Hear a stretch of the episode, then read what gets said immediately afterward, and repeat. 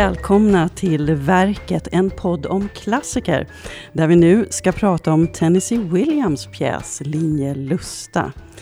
Jag heter Anneli Duva och med mig här för att prata om denna moderna klassiker, som vi väl får kalla den, som uruppfördes på Broadway år 1947, har jag Dirk Gint. Hej. Som hej, du är professor i teatervetenskap vid Stockholms universitet. Och du har också skrivit en bok, Tennessee Williams In Sweden and France 1945 till 1965. Nu blev det två språk där. Alltså i Sverige och Frankrike 45 till 65. Och eh, Stefan Larsson, Hej och mm. välkommen. Tack. Mm. Eh, du är både skådespelare och regissör och dessutom chef för det nationella scenen i Bergen i Norge. Mm, ja. yes. Och du har regisserat den uppsättning av Linje Lusta som hade premiär 2019 här på Dramaten och fortfarande mm. spelas mm. när vi spelar in det här. Yes. Ja. Och det är ju ganska ovanligt. Den har blivit en riktig dundersuccé, den här uppsättningen. Ja, ja. den hade någon relevans verkar det som. Ja. Och idag så sitter vi alltså här i Dramatenbaren.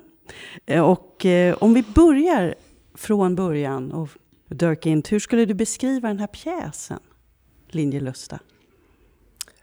Ja, lite vågat skulle jag säga, börja med att säga att det för mig är det 1900-talets uh, eh, bästa pjäs. Alltså jag har väldigt stor respekt för Chekhov, Brecht, Sarah Kane, Carol Churchill.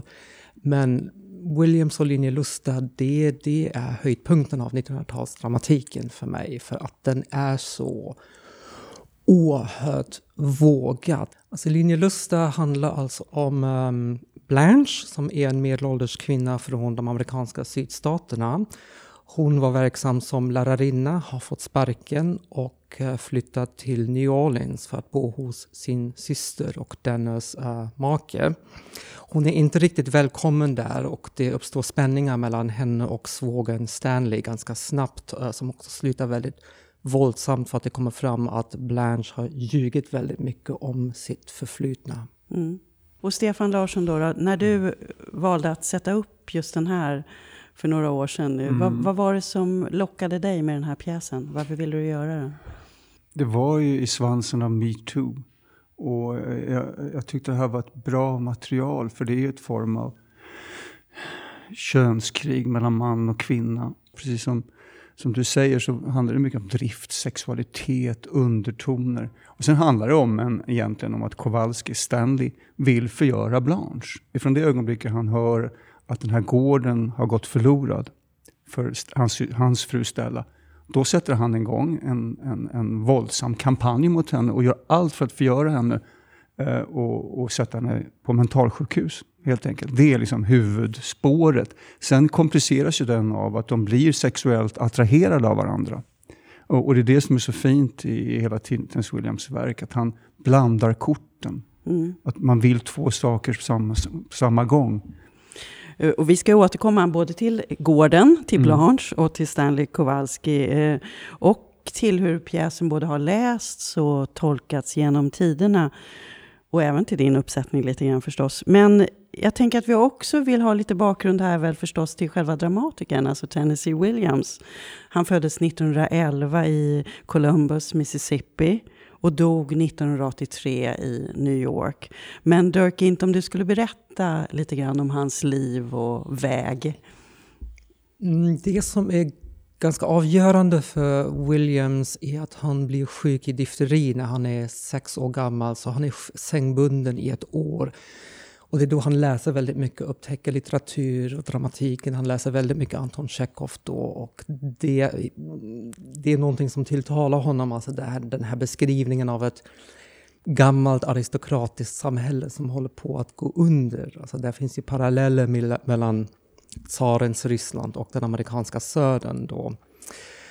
Um, Williams blir också väldigt fascinerad av de här kvinnorna som han ser i, i sin omgivning, alltså, som lever i ett ytterst patriarkaliskt samhälle. Alltså kvinnor som vill uttala sina begär, men som inte får det, som blir straffade. Så han, han utvecklar väldigt tidigt väldigt mycket sympati för och empati med de här kvinnorna.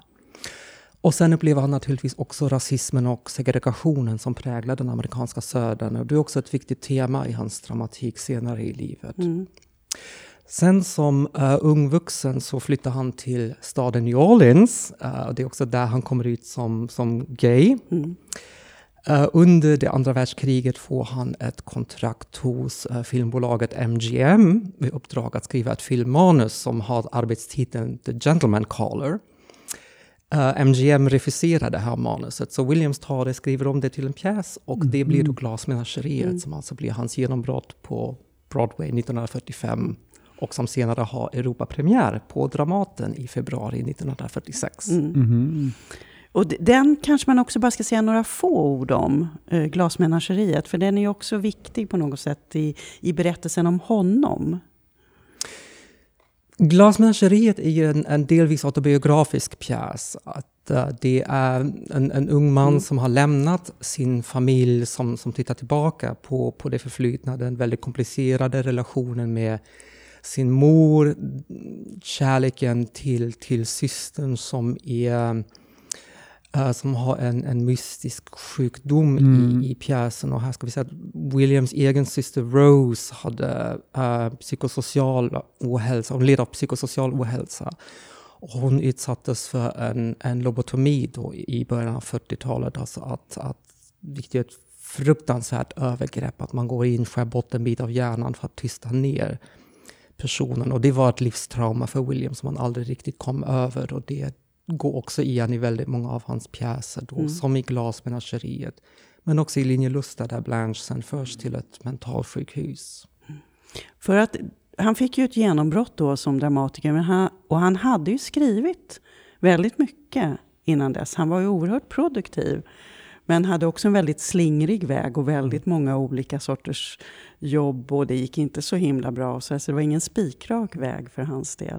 Men sen då, eh, efter glasmenageriet, då får han ju på något sätt en position, eller hur, med en gång. Och blir också en av de stora där. Han räknas till, han är ju samtida på sätt och vis med både Arthur Miller och eh, Eugene O'Neill faktiskt. Så Williams beskrev den här framgången med glasmenageriet som en katastrof. Alltså att det, det kom ju väldigt, väldigt mycket press plötsligt på att leverera en, en, en uppföljare till det. Och det mm. var ju då Linje Lusta som mm. hade premiär i USA 1947 blev en enorm framgång på, på Broadway. Alltså den vann Pulitzerpriset och uh, New York Critics Circle Award, alltså de två tyngsta priserna för samtida amerikansk dramatik.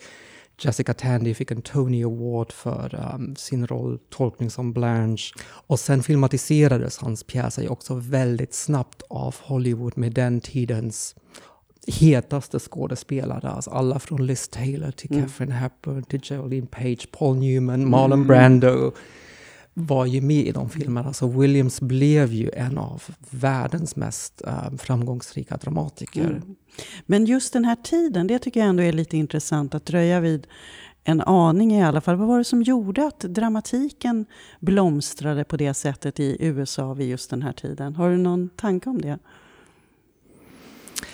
Ja, alltså dels fanns det ju pengar också. Alltså att um, Broadway satsade ju väldigt mycket på talteatern, alltså spoken drama på den tiden. Alltså det har man lite svårt att föreställa sig idag när det, är, det är multinationella företag som investerar pengar i, i, i musikaler endast. Så, um, sen var det också den tiden när den, den, psykologiska realismen slog igenom. Alltså hela den här generationen av, av skådespelare hade fått sin utbildning då i ja, det som amerikanerna kallar för method acting, som är väldigt inspirerad av, av Konstantin Stanislavski och som hade studerat då hos Lee Strasberg eller Stella Adler.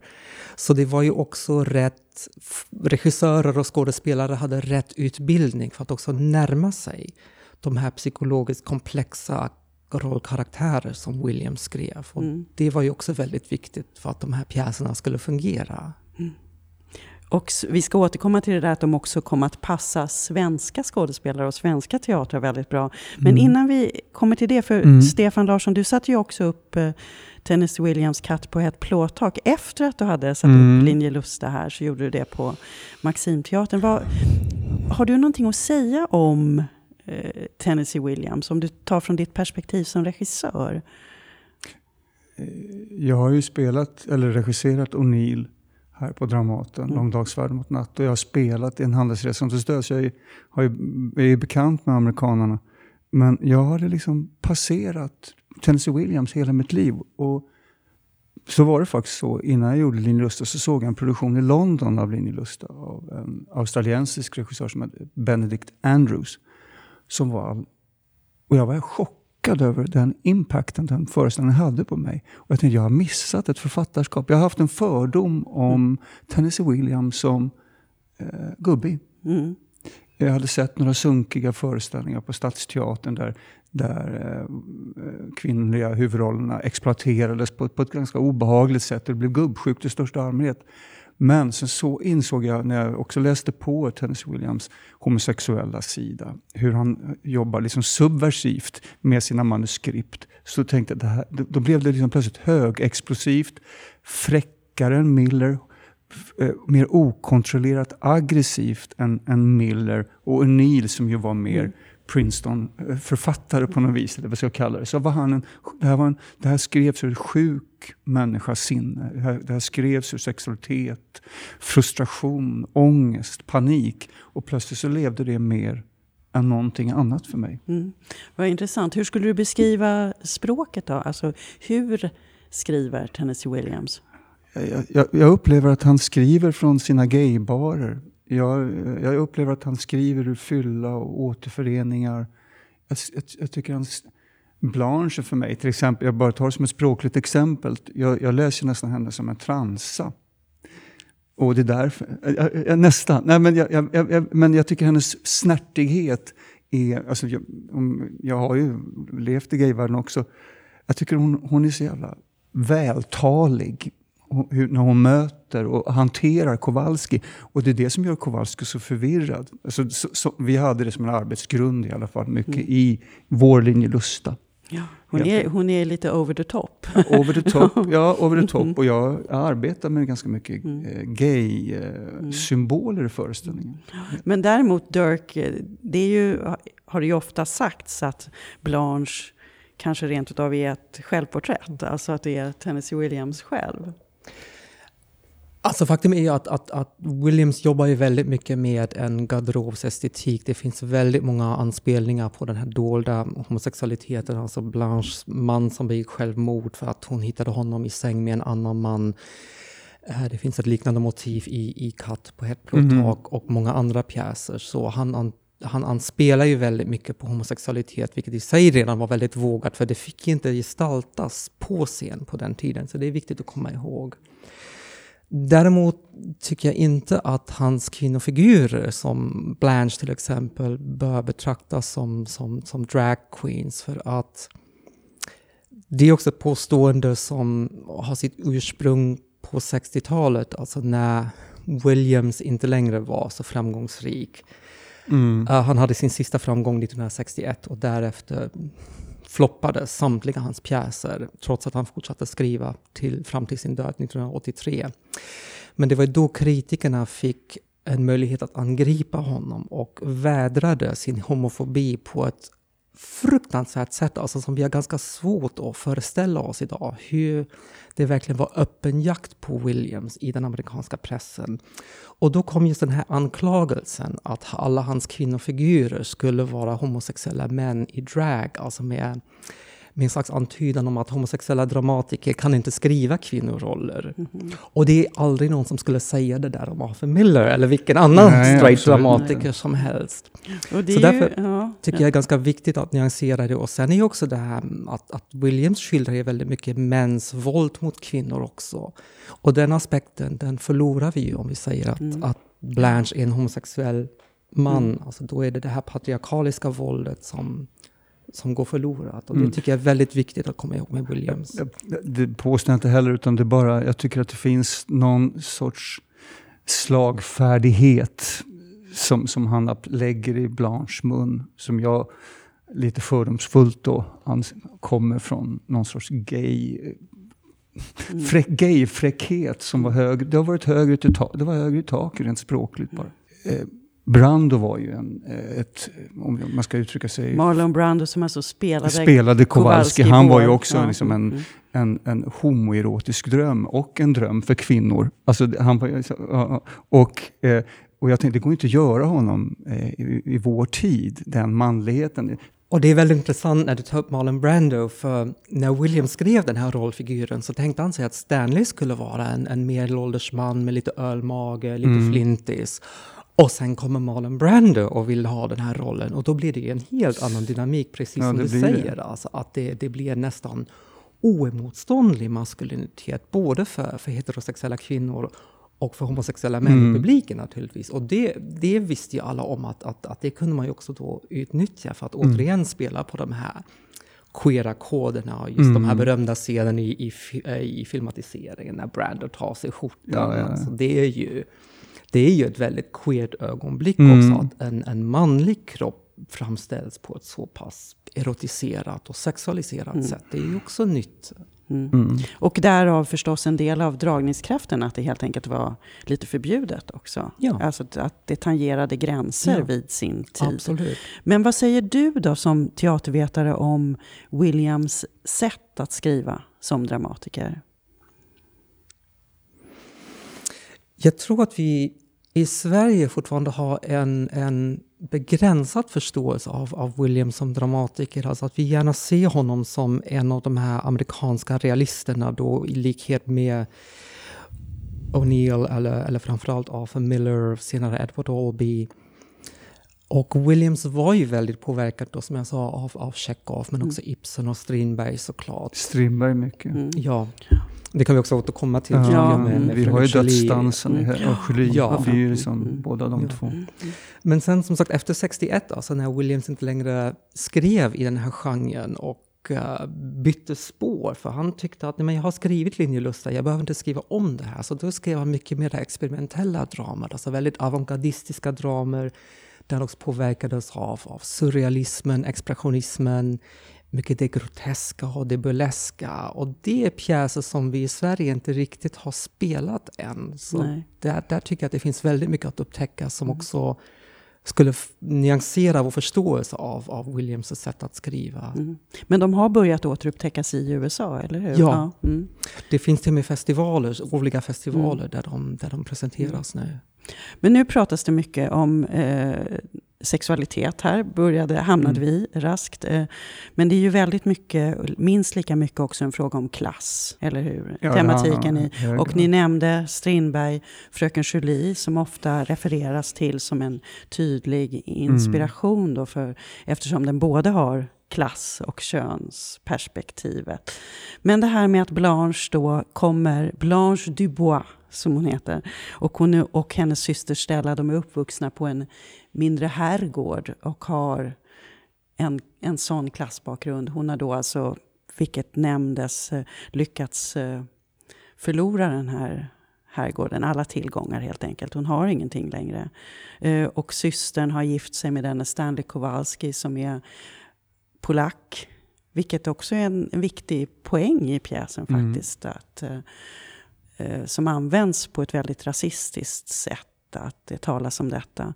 Men han är ju också enkel. Han har ingen, han har ingen fin, han har ingen bildning heller. Blanche är väldigt noga med att hon har varit engelsklärare, hon talar franska, hon Mm. har undervisat om litteratur. Allt det här, hela denna mylla, vad har ni att, eh, att säga om, om det spelet i, i pjäsen? Ja, jag tycker det var en av de intressanta eh, Mm. aspekterna. Att hon faller ur sin egen klass Mm. egentligen. Hon, är, hon får ju liksom lämna sin, sin, sin bakgrund och försöker erövra ny mark. Och, och, eh, och är direkt fraktfull i sitt spel, mot, som du säger, mot, eh, mot Kowalski. Mot, och, eh, Stella har ju, hennes syster har ju liksom flytt den här herrgårdsmiljön och räddat sig själv, från, räddat sig från sin syster. Hon är ju verkligen en överlevare Stella i det här. Men hon domineras av både sin man och sin syster på ett väldigt obehagligt sätt. Men hela den klassaspekten är ju klassisk Mm. kan man väl säga. Hur, och hur han vill förgöra den som, som vet bättre eller är mer bildad. Och när den här pjäsen spelades första gången i Sverige 1949 så var det ju någonting som recensenterna också ähm, reagerade på. Alltså de drog ju paralleller till, till fröken Julie då, alltså adelsklassfröken mm. som tillintetgörs av en, en arbetarklassman då. Men det som var så otäckt är att de applåderade det väldigt mycket. Alltså det här är ju folkhemmet direkt efter andra världskriget. Vi har fortfarande Rasbiologiska institutet i Uppsala. Vi har tvångssteriliseringar som, som förekommer i folkhemmet. Och Blanche tolkas då som, som ett, och nu citerar jag lite från originalrecensioner då, alltså att hon beskrivs som livsodyglig eller en mörken gren från ett degenererat sydstatsträd. Hon eh, sägs också vara en missanpassad neurotiker eller en, en infektionsbacill i det friska köttet då som måste verkas ut. Alltså det finns väldigt många socialdarwinistiska tankegångar som går igen i, i recensionerna på 40 och 50-talet. Och när pjäsen spelades på Dramaten våren 1950 då var det till och med så att publiken applåderade i slutet när Stanley då hade lyckats äh, krossa henne och hon skulle tas till mentalsjukhus. Så det, det är ganska läskigt att gå tillbaka ja, till det, det måste, Det är väldigt obehagligt att mm. höra.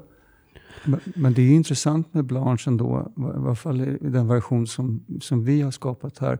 Det är att trots att hon är, hon är ju en patologisk lögnare, alltså hon, hon är alkoholiserad, hon, hon är en fullblodsnarcissist. Hon är ju en hopplös människa egentligen. Så får hon ett, ett litet fönster som öppnas med Mitch en liten en chans där till en, ett, ett nytt liv, men det, det, grusas ju och förstörs. Det är att man ändå, trots att vi ser alla de här negativa sidorna, tycker om henne. Mm. Alltså vi, man, man identifierar sig med henne starkt, tycker jag, i vår tid nu. Hon är ju modig. Ja, hon ställer sig upp och tar kampen. Mm, mm. Det gör hon mot Kowalski. Och, men den här enorma framgången i Sverige då. För det är ju så som du har skrivit om i din bok att eh, han var ju den mest spelade eh, dramatikern i Sverige under en stor del av 50-talet. Alla Tennessee Williams pjäser sattes upp och så fort som de kom och på alla stora teatrar. Men det hade delvis att göra med en viss teateragent också, mm. Lars Schmidt. Precis. Mm. Uh, Lars Schmidt då från ja. Göteborg som startade ett teaterförlag i början av 40-talet, alltså mitt under det pågående kriget. Mm. Och det skrevs ju väldigt lite ny dramatik i Europa då. Så han tog båten till USA uh, för att ta sig till Broadway och um, hans, hans skepp bombades av um, tyska flygplan. Så han var strandsatt på Färöarna i flera mm. veckor och mm. tog sig så småningom till New York då via Kuba och Miami och hade ju förlorat sitt pass och alla resehandlingar på vägen. Och eh, den här historien blev väldigt populär. Och Schmidt talade flytande engelska, så han blev bjuden på alla de här cocktail parties och uh, träffade alla de stora uh, samtida konstnärerna, alla författare, kompositörer, producenter och agenter. Så han, han fick ett väldigt uh, rikt kontaktnät. Och så åkte han tillbaka till New York 1945. Och när han kom tillbaka från den resan, då hade han köpt de nordiska rättigheterna för hundra amerikanska pjäser och musikaler, inklusive då Glasmenageriet. Mm. Mm. Och det här är också då tiden när, när stadsteatrarna slår upp sina portar. Så Schmidt var väldigt bra på att placera pjäserna vid stadsteatrarna som ju ville spela ny samtida internationell dramatik. Och det ledde till att en pjäs som Linje Lustar till exempel, att den spelades samtidigt på sex olika teatrar under en och samma säsong. Plus ytterligare åtta um, föreställningar i de andra nordiska mm. länderna. Men vad var det som gjorde att den slog an så i, i Sverige. För det gick inte lika bra för den i Frankrike. Det är ju det du gör en jämförelse med. Som, eh, och där i Frankrike blev det tvärtom, att man mm. tyckte bättre om hans eh, till exempel Orfeus stiger ner som kom senare, som har ett tydligt rasistiskt tema. Den tyckte man var intressantare i Frankrike. Den gick inte lika bra i Sverige. Så, så det finns någonting som är spännande Frankrike är väldigt skeptisk mot Williams i början för att de betraktar det här som en slags 1800-talsrealism, vilket de, de gjorde för 50-60 år sedan. De gillar inte heller det här cinematografiska sättet, alltså med, med kortare scener. Eh, de gillar inte våldet, de gillar inte sexualiteten. Och det är först mot slutet av 50-60-talet som de betraktar Williams som en auteur då. Och det är alltså framförallt som du säger Anneli, när, Mm. när han går in på, på just rasismen i pjäser som Orfeus stiger ner eller Plötsligt i somras. Och det här är också mitt under dekoloniseringstiden i Frankrike, Algerietkriget. Så de pjäserna blev mycket mer begripliga då för en fransk publik. Däremot svenskarna, det här är 50-talet, det är svenska synden. svenskarna älskar ju de, de här pjäserna. Alltså att, att Williams verkligen blir oerhört framgångsrik. Och det, det argumentet som jag driver i boken är ju då att svenska regissörer tar de här pjäserna som redan är väldigt vågade uh, vad gäller skildringen av sexualitet och begär. Och um, lägger till ännu några nivåer och tar verkligen ut svängarna. Och bara för att ge ett exempel, när, när Katt på ett plåttak hade premiär på Broadway så spelade Barbara Bell Geddes första akten i ett nattlinne när hon skulle byta om och det var ju skandalöst. Sen när pjäsen hade Europapremiär faktiskt i Göteborg så spelade Gunnel Brokström hela första akten i bara bh och trosor. Och det var ju skandalöst. Alltså, det ledde till rubriker. Alltså, hur långt får svensk teater gå? Folk skrev insändare till, till tidningar. Och just när jag nämnde den här svenska synden då. Vi tänker ofta på de, de uh, alltså sommarfilmerna då. Sommaren med Monica, hon dansade en sommar. Men Williams uppsättningar var väldigt viktiga i, i den debatten också. Men du menar att svenskarna hade en förkärlek för detta helt enkelt vid den tiden? Det, eller, tyckte, eller var vi, Ja, alltså vi det som- betraktade oss som lite fria och lite moderna? eh, Eller? Ja, fast Mm. samtidigt, alltså när jag säger att, att, att svenskarna tog ut svängarna verkligen, ehm, samtidigt var Mm. de väldigt noga med att också förskjuta det tillbaka till USA. Alltså att det blev att, att det sades att det är amerikanerna som precis har upptäckt Freud, det är amerikanerna som är besatta av, av, av homosexualitet, det är amerikanerna som är besatta av, av, av frustrerade kvinnor. Och det fungerar liksom som en ursäkt då för att verkligen ehm, ta ut svängarna som jag sa. Och sen ännu en sak som är väldigt viktig också att eh, de här rollkaraktärerna eller de här miljöerna som Williams skildrade, de, de rasifierades också då för att legitimera den här skildringen av sexualitet. Till exempel när, när Ingmar Bergman satte upp Linjen Lusta på Göteborgs stadsteater så, ehm, så använde, an, använde han sig väldigt mycket av blackface-tekniker för att ehm, måla fram den här quote-unquote exotiska miljön. Och han var inte den enda som, eh, som gjorde det.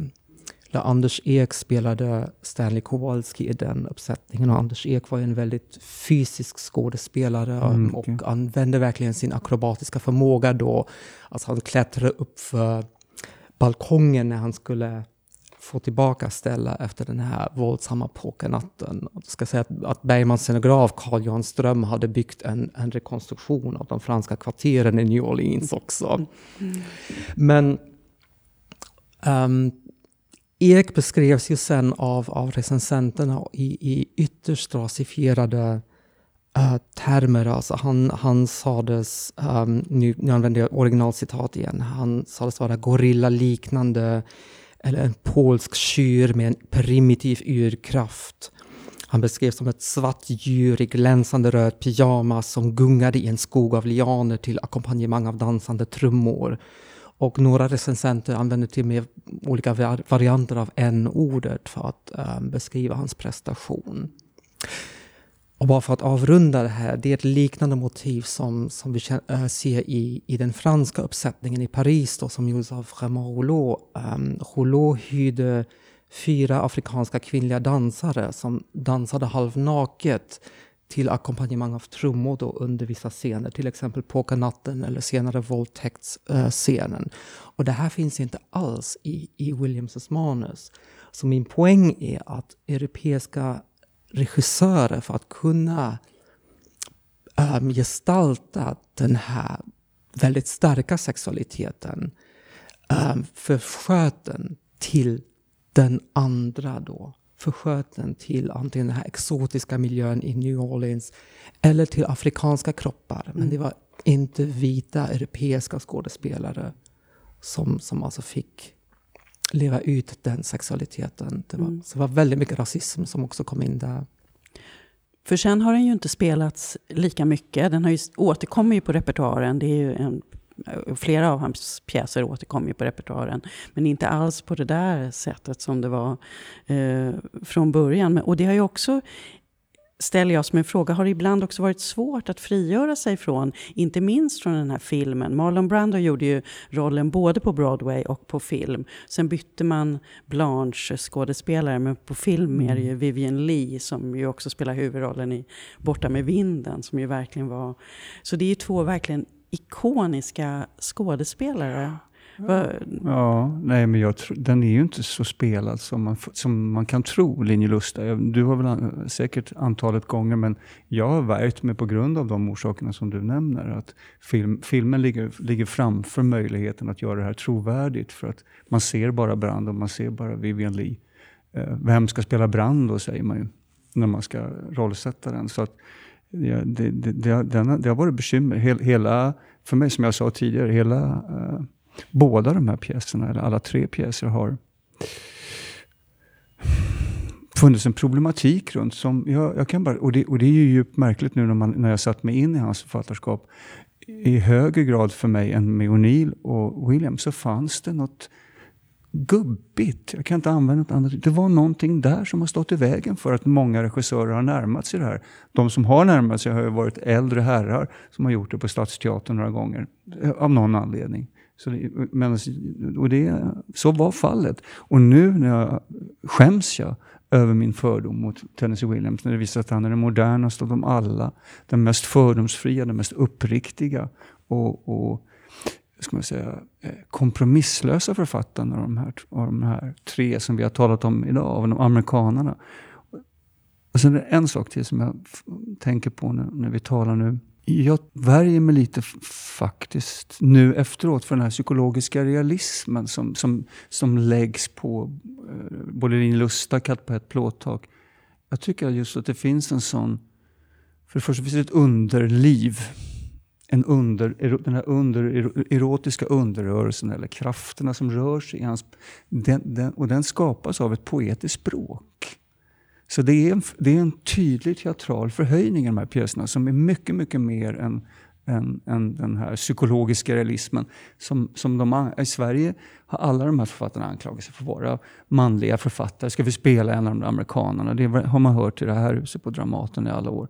Och, och eh, även på Stadsteatern. Men, men det här är förhöjda pjäser. En handelsresande stödjer ju i, i hög grad också ett drömspel med tillbakablickar, framåtblickar. Man rör sig i tid. Och, så jag tycker att de har blivit lite taskigt belastade och lite illa behandlade av svensk kritik under en lång period faktiskt. Ja. Det, Ja, ville du svara? Nej, jag kan bara lägga till, alltså globalt sett är det ju så att, att Williams är den mest spelade amerikanska mm. dramatikern idag. Alltså mm. långt, långt mer uppsättningar, långt fler uppsättningar än, än till exempel O'Neill eller, eller um, Arthur Miller då. Mm. Mm. Ja, det, alltså det, det, det visar sig tydligt mm. så här efteråt att mm. han, han vann, höll jag på att säga. Nej, men det jag tänkte på nu när jag såg, såg om mm. uppsättningen inför den här, din uppsättning då, Stefan, mm. inför den här uh, inspelningen så var det också, dels är det ju en sorts hantverksskicklighet som är alldeles fantastisk. Ja, hur, han, hur han skriver situation. Och då det här som, som delvis kanske hjälps av att han använder sig av den här tekniken att scenerna ligger på rad. Att det mm. blir en ny situation. Och så, men han verkligen också nailar de där situationerna. Och att han är vansinnigt rolig. För det har vi inte sagt något Nej. om här. Eller hur? För det är ju också ja, han... viktigt, tänker jag, för att man blir en folklig och framgångsrik dramatiker så är det ofta en väldigt bra ingrediens om man har en förmåga att också vara rolig, eller? Ja, han ja. har väldigt drastisk humor. Ja. Det jätte, men, han är, men det där explicita, det är ju det som Norén sen har exploaterat också. Alltså, och även Bergman gjorde ju det. Man märker att de här har umgåtts, både Bergman och Norén har ju umgåtts med Tennessee William i väldigt hög grad. Nästan pinsamt hög grad skulle jag säga. Och precis som de har mix med Ibsen och Strindberg också. Så att jag, det finns en väldig humor här. Bergman har ju sagt någon gång att, att han gillade Williams för att uh, han kände igen den här fascinationen för lusten och döden och det var mm. det han kunde identifiera sig med.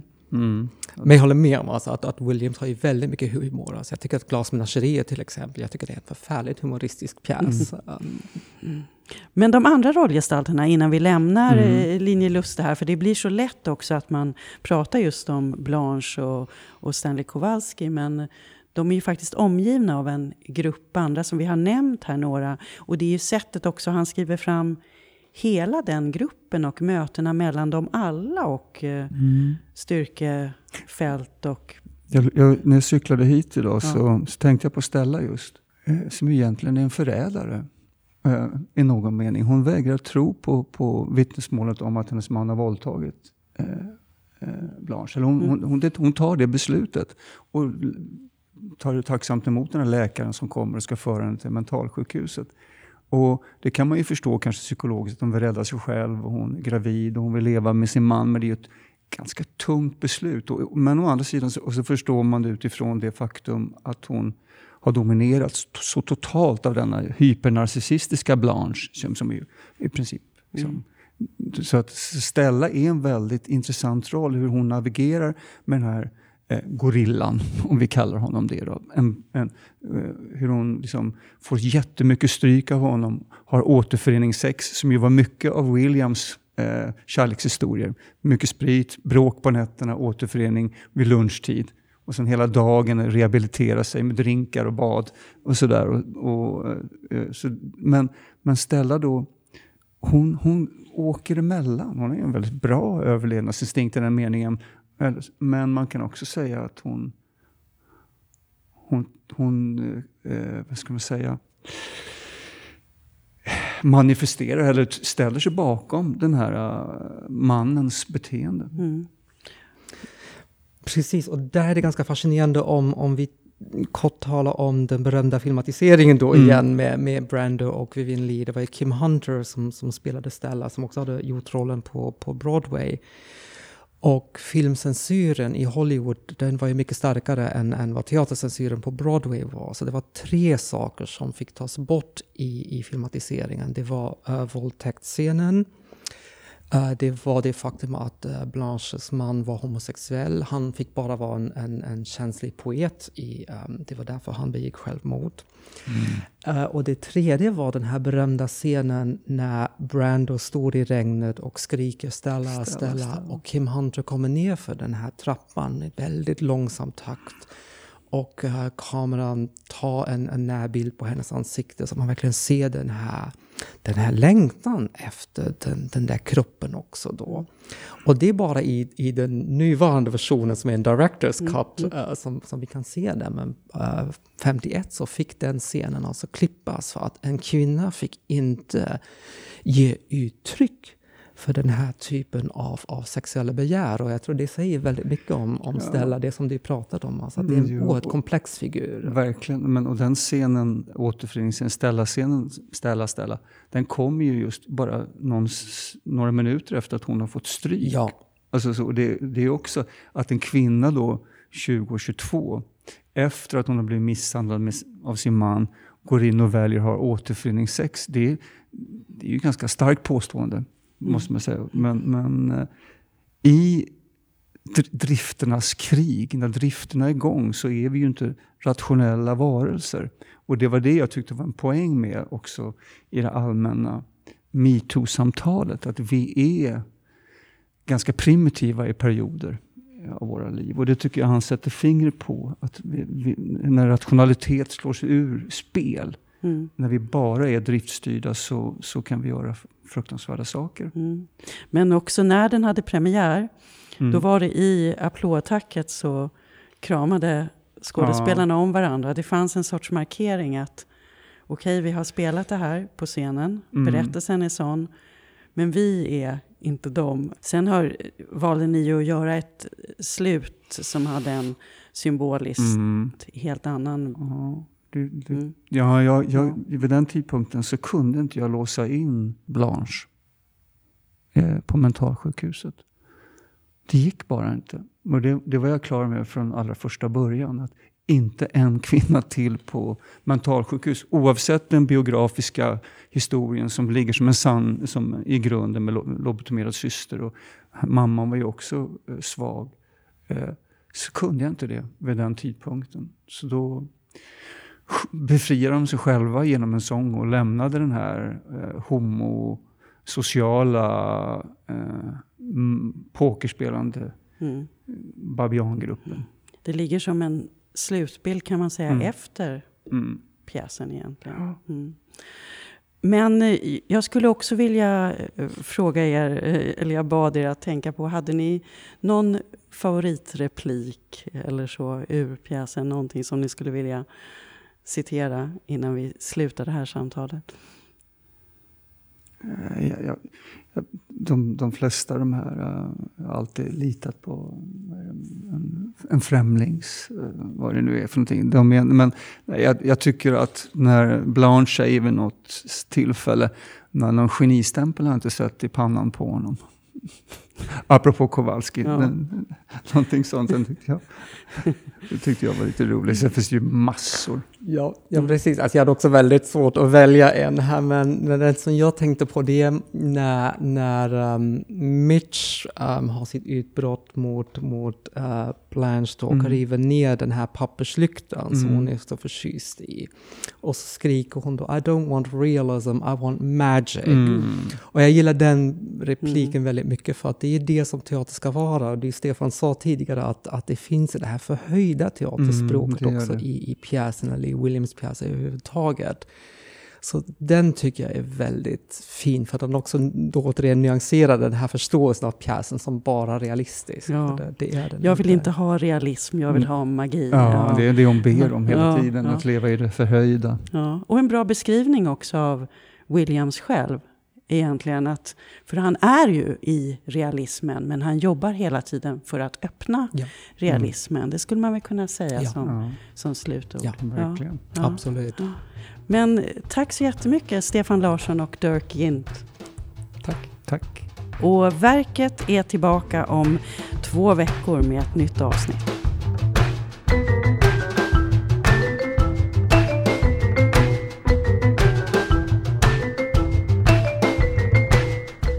Du har lyssnat på Verket, en podd om klassiker, producerad av bildningsmagasinet Anekdot i samarbete med Dramaten, Nationalmuseum och Litteraturbanken.